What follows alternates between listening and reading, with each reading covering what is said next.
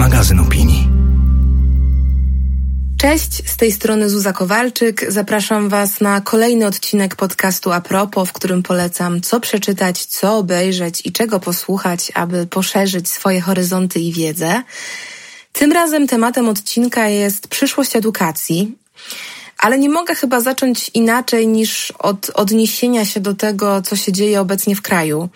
Zwłaszcza, że obecna sytuacja jest również prawdopodobnie jak wszystko związana z edukacją. Edukacją, której ulepszenia i poszerzenia, między innymi w tematach związanych ze zdrowiem i wolnością kobiet, e, ale również w ogóle prawami człowieka, bardzo mocno potrzebujemy, ale która jednocześnie, jak pokazuje skala tego, co się obecnie dzieje na ulicach, jest obecna. Tylko pytanie brzmi, czemu pokątnie, czemu po cichu, e, a nie w naprawdę szeroki, naukowy i systemowy sposób. Dziś, jak widać, potrzebna była i jest rewolucja, którą ja wspieram całym sercem, ale tu dziś w tym odcinku chciałabym się zastanowić nad równoległą ścieżką ewolucji, czyli dobrej edukacji. Ta myśl związana z koniecznością naprawy edukacji nie jest oczywiście niczym nowym ani oryginalnym. Raczej przeciwnie, z moich obserwacji wynika, że naprawdę większość tekstów czy wypowiedzi traktujących o problemach, które rzeczywiście jakoś trafnie definiują naszą współczesność, kończy zazwyczaj ta sama puenta, to znaczy niezbędna jest nam edukacja.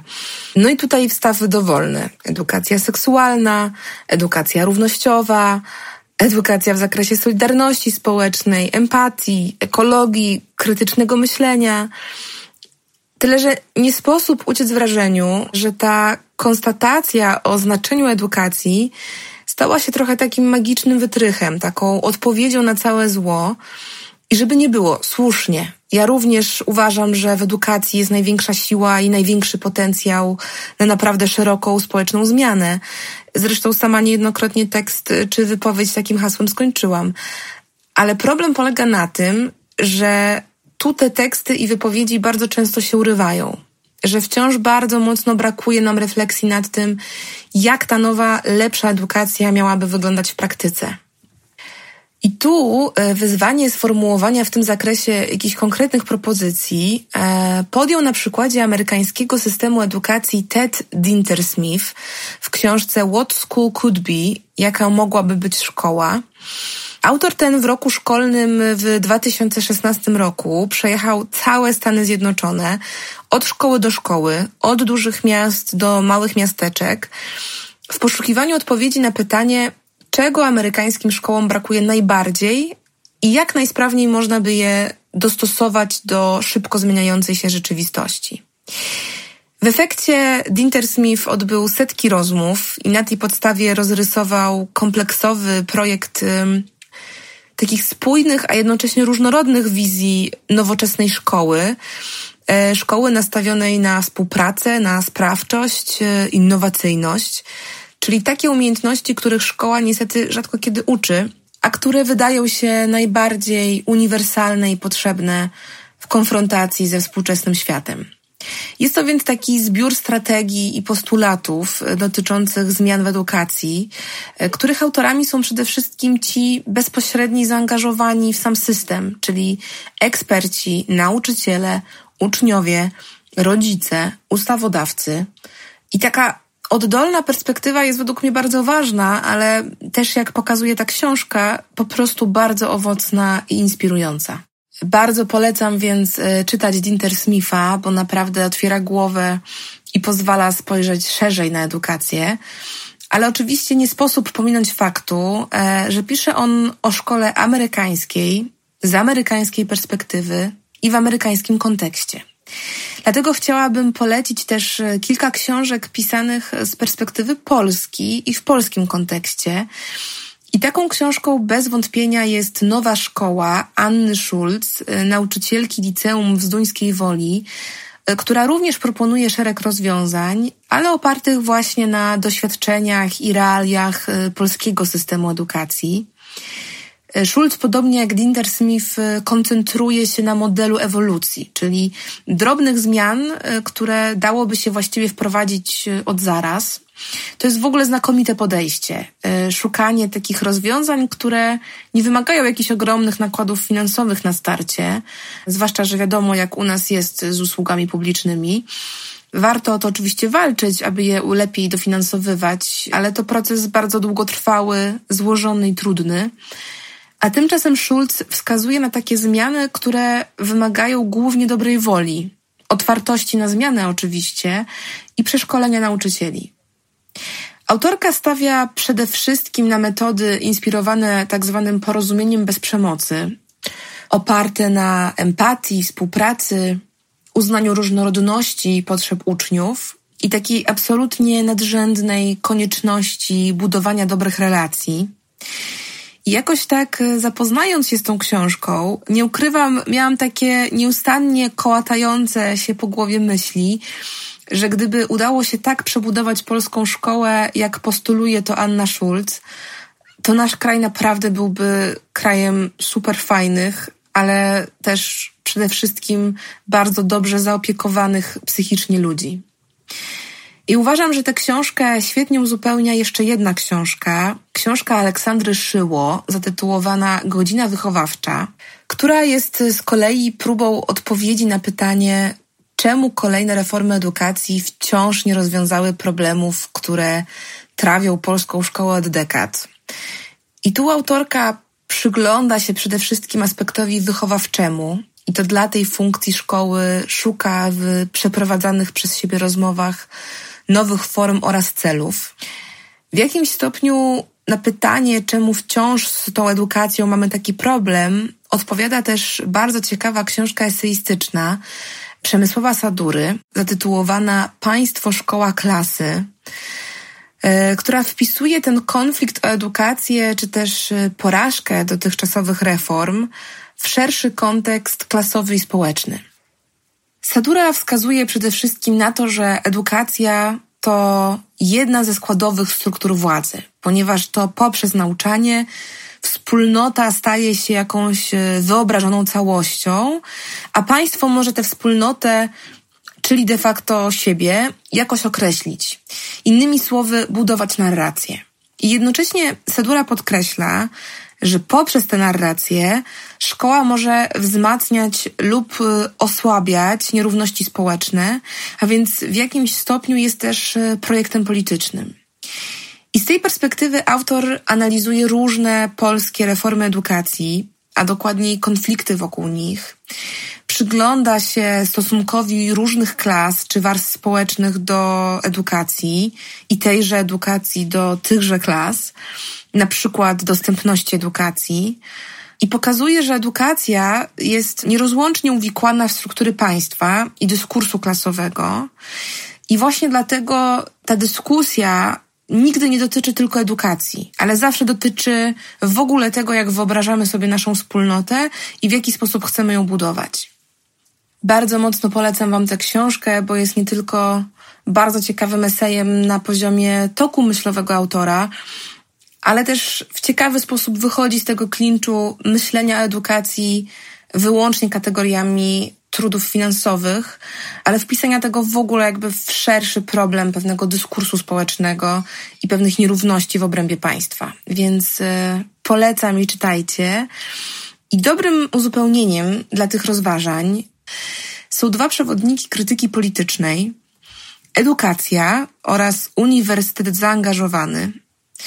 W pierwszym z nich e, zebrano teksty i wywiady dotyczące zarówno edukacji publicznej i demokratyzacji szkół, jak i kwestii związanych z samym programem, czyli między innymi tym konfliktem o narrację, czy kwestii finansowych, socjalnych, od choćby edukacji integracyjnej dla osób z niepełnosprawnością, po te kwestie klasowe, czy związane z odwieczną dyskusją o publicznych i niepublicznych placówkach.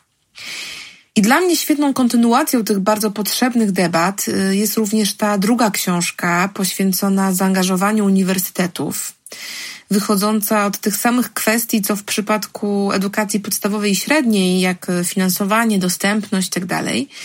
Po kwestie związane już ściśle z edukacją uniwersytecką, czyli bardziej suwerenną, czyli otwartością na debatę, kategorią strajku, kwestie władzy krytycznej, czyli zasadniczo prób wyrwania chociaż uniwersytetu z obszaru tej polityki odgórnej i wpisania go w naukę polityki oddolnej.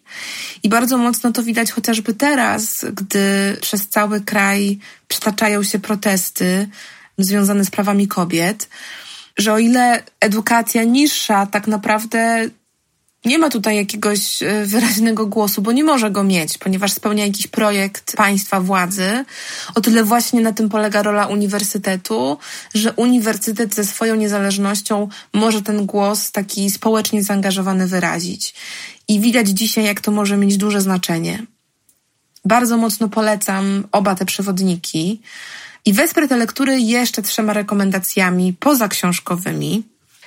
Po pierwsze, polecam Waszej uwadze panele z sekcji Edukacja Nowa Generacja w ramach kongresu Open Eyes Economy Summit, e, które będą się odbywać online 18 listopada. Szczególnie mocno polecam panel prowadzony przez naszą redaktorkę naczelną Magdę Kicińską, e, zatytułowany Kobiety w edukacji, w kulturze, w natarciu temat kobiecy więcej niż aktualny i potrzebny w obecnych okolicznościach, zwłaszcza ten ostatni człon tytułu, czyli Kobiety w natarciu. Sprawdźcie bilety i bierzcie udział w kongresie. A po drugie, kontynuując rekomendacje y, związane z moimi redakcyjnymi koleżankami, polecam Wam też odcinek podcastu Basi Sowy, Jak naprawić przyszłość. E, odcinek poświęcony właśnie przyszłości edukacji, zatytułowany Jak naprawić szkołę, wyciągnijmy lekcje z pandemii. Basia rozmawia w nim z profesorem Lechem Mankiewiczem z Centrum Fizyki Teoretycznej Polskiej Akademii Nauk oraz z Paulą Bruszewską, prezeską Fundacji Zwolnieni z Teorii. I robi to z perspektywy początku pandemii, gdy ta dyskusja o nauczaniu zdalnym czy wykluczeniu cyfrowym uczniów i nauczycieli po raz pierwszy wybiła z taką mocą. E, jeśli ten odcinek jakimś cudem Was ominął, e, koniecznie nadróbcie zaległości. I po trzecie, polecam Wam jeszcze podcast Więcej niż edukacja. Podcast, w którym dwie siostry, Anna Marszałek i Agnieszka Pleti, rozmawiają z wieloma ciekawymi gośćmi o nietypowych, dostępnych metodach edukacji i wychowania, w tym w dużej mierze o nauczaniu domowym. No nie mam wątpliwości, że te wszystkie rekomendacje razem składają się na naprawdę rzetelny kawał wiedzy i zaproszenie do wielu ciekawych przemyśleń. Ale rozmowa o przyszłości edukacji y, to nie tylko sama edukacja, ale też dyskusja o elitach, które ta edukacja ma wykształcić. Elitach, które między innymi później y, o tym kształcie edukacji niejednokrotnie decydują. I w tym kontekście chciałabym polecić Wam e, w pierwszej kolejności porażającą książkę Jak wytresować Lorda, e, w której Alex Renton, autor, ale też wychowanek jednej z elitarnych brytyjskich szkół z internatem, zebrał doświadczenia i historie na temat metod wychowawczych, choć trudno to tak nazwać, w ośrodkach kształcących brytyjską arystokrację. I uwierzcie mi, jest to absolutnie makabryczna opowieść o zmowie milczenia, o sztafecie przemocy, o łamaniu charakteru. Renton koncentruje się oczywiście na rzeczywistości Wielkiej Brytanii, e, w której też pozycja tych elitarnych szkół i w ogóle arystokracji jest zupełnie inna niż u nas ale znajdziecie tutaj również taką o wiele szerszą refleksję, zarówno nad perspektywą musztry i presji jako takich, e, w których często hoduje się młodą inteligencję, jak i nad tym, co to robi z ludźmi, jak ich nastawia do świata a więc nad źródłami tego stanu rzeczy, czyli mechanizmami wyparcia i przemocy, która nie może się zrodzić z niczego innego niż przemoc i nie może w odpowiedzi zrodzić niczego innego niż przemoc. W tym przemoc w edukacji, ale też później w pracy, stosunkach społecznych itd. Tak Polecam Wam lekturę, choć nie ukrywam, że głównie tym o silnych nerwach A u nas oczywiście ta dyskusja o elitach przybiera nieco inną formę i odnosi się do innych kwestii. E, jesteśmy w końcu krajem, w którym na pewnym etapie historii większą część inteligencji wymordowano, w którym podział klasowy nie zdążył się tak silnie umościć jak na Zachodzie, no i w którym e, narzekanie na elity polityczne stało się niemal narodowym sportem. Jedną z najciekawszych książek na ten temat opublikował moim zdaniem w 2018 roku Rafał Matyja. Książka ta nazywa się Wyjście awaryjne o zmianie wyobraźni politycznej i jest to lektura, która podejmuje próbę przełamania tego klinczu, który towarzyszy od dekad rozmowom o polskiej polityce. No bo obok klasycznego podziału na prawo i lewo, Matyja proponuje w pewnym sensie trzecią drogę, to znaczy całkowitą reorientację dyskursu, zmianę politycznej wyobraźni języka, która mogłaby mieć siłę realnego przeobrażenia polskich elit i proponowanych przez nie pomysłów na modernizację państwa. Dziś to może brzmi trochę jak banał, ale w 2018 roku to była naprawdę dość odkrywcza myśl, taka łagodząca pewien konflikt w różnych obozach. Matyja przy tym nie unika też refleksji nad tym, z czego to wynika, to znaczy z czego wynika ten asekurancki stary ład, który się tak trwale trzyma w naszym kraju i wskazuje, dlaczego jego zdaniem nie poszliśmy w kwestiach rozwoju kraju w jakkolwiek nowym kierunku. Oczywiście muszę podkreślić, e, że jest to książka, która ukazała się ponad dwa lata temu, więc w jakimś stopniu pozostaje aktualna, w jakimś okoliczności i rzeczywistość ją zweryfikowały, zwłaszcza weryfikują teraz na ulicach, ale i tak polecam lekturę, zwłaszcza, że jest to taka książka miejscami konserwatywna w wymowie, po bardziej konserwatywnej stronie opowiada się też sam Matyja, ale jest to taki rodzaj książki, z którą ja osobiście lubię się nawet nie zgodzić. Natomiast to, dlaczego zmiana tej wyobraźni oraz otwarcie nowych dróg do dyskusji są tak istotne, e, tłumaczy na przykładzie Stanów Zjednoczonych Arlie Russell Hochschild e, w doskonałej książce Obcy we własnym kraju. E, Hochschild to socjolożka, która niedługo po wygranej wyborach prezydenckich Donalda Trumpa ruszyła do Luizjany, czyli do stanu, który najchętniej głosuje na skrajną prawicę oraz tak zwaną pop-prawicę, aby zrozumieć, czemu prawicowy elektorat jest tak niechętny lewicowym postulatom, mimo tego, że jako jedna z najliczniejszych grup opiera swoją egzystencję na pomocy socjalnej, czyli na tym, co bazowo najmocniej postuluje i wspiera lewica. I wbrew założeniom Opowieść Hochschild staje się dla samej autorki zaskakującą historią weryfikowania własnych uprzedzeń, przekonania się o wadze dialogu z tymi, którzy są nam obcy, których nie rozumiemy, ale też przyczynkiem do zrozumienia, że za wszystkim tym, co się dzieje z taką siłą dzisiaj, czyli polaryzacją, okopywaniem się w swoich przekonaniach, e, niechęcią wobec innych, stoi tak naprawdę wielkie rozczarowanie i gniew. I tej właśnie emocji, czyli gniewowi, e, swoją książkę poświęcił Tomasz Markiewka, filozof, publicysta. Bardzo Wam polecam ten esej o społecznej roli i historii gniewu, od właśnie kontekstu wyborców Trumpa, aż po sytuację w Polsce. E, esej wydany w maju, e, który dziś z perspektywy tego, co się dzieje w kraju, nabiera moim zdaniem zupełnie nowego wymiaru i znaczenia ponieważ diagnoza gniewu w polskiej przestrzeni e, publicznej po 1989 roku jest w tej książce opowiadana z perspektywy nieskuteczności tego gniewu, czyli też jego braku potencjału do budowania wspólnoty i raczej do budowania opozycji, takiego wyłączania się ze społeczeństwa. Taki gniew, jak to pisze Markiewka, w stylu Adasia Miałczyńskiego, czyli bohatera Dnia Świra. No i to wszystko prawda, tyle że Markiewce rzeczywistość trochę zagrała na nosie, e, ponieważ to, co się dzieje dzisiaj, jest moim zdaniem bezprecedensowym gniewem po 89, o bardzo mobilizującym i dającym nadzieję na zmianę charakterze. Autor oczywiście nie mógł przewidzieć, pisząc, że stanie się to, co się dzieje teraz. Myślę, że mało kto spodziewał się aż takiej skali protestu, jaka się obecnie przelewa przez kraj.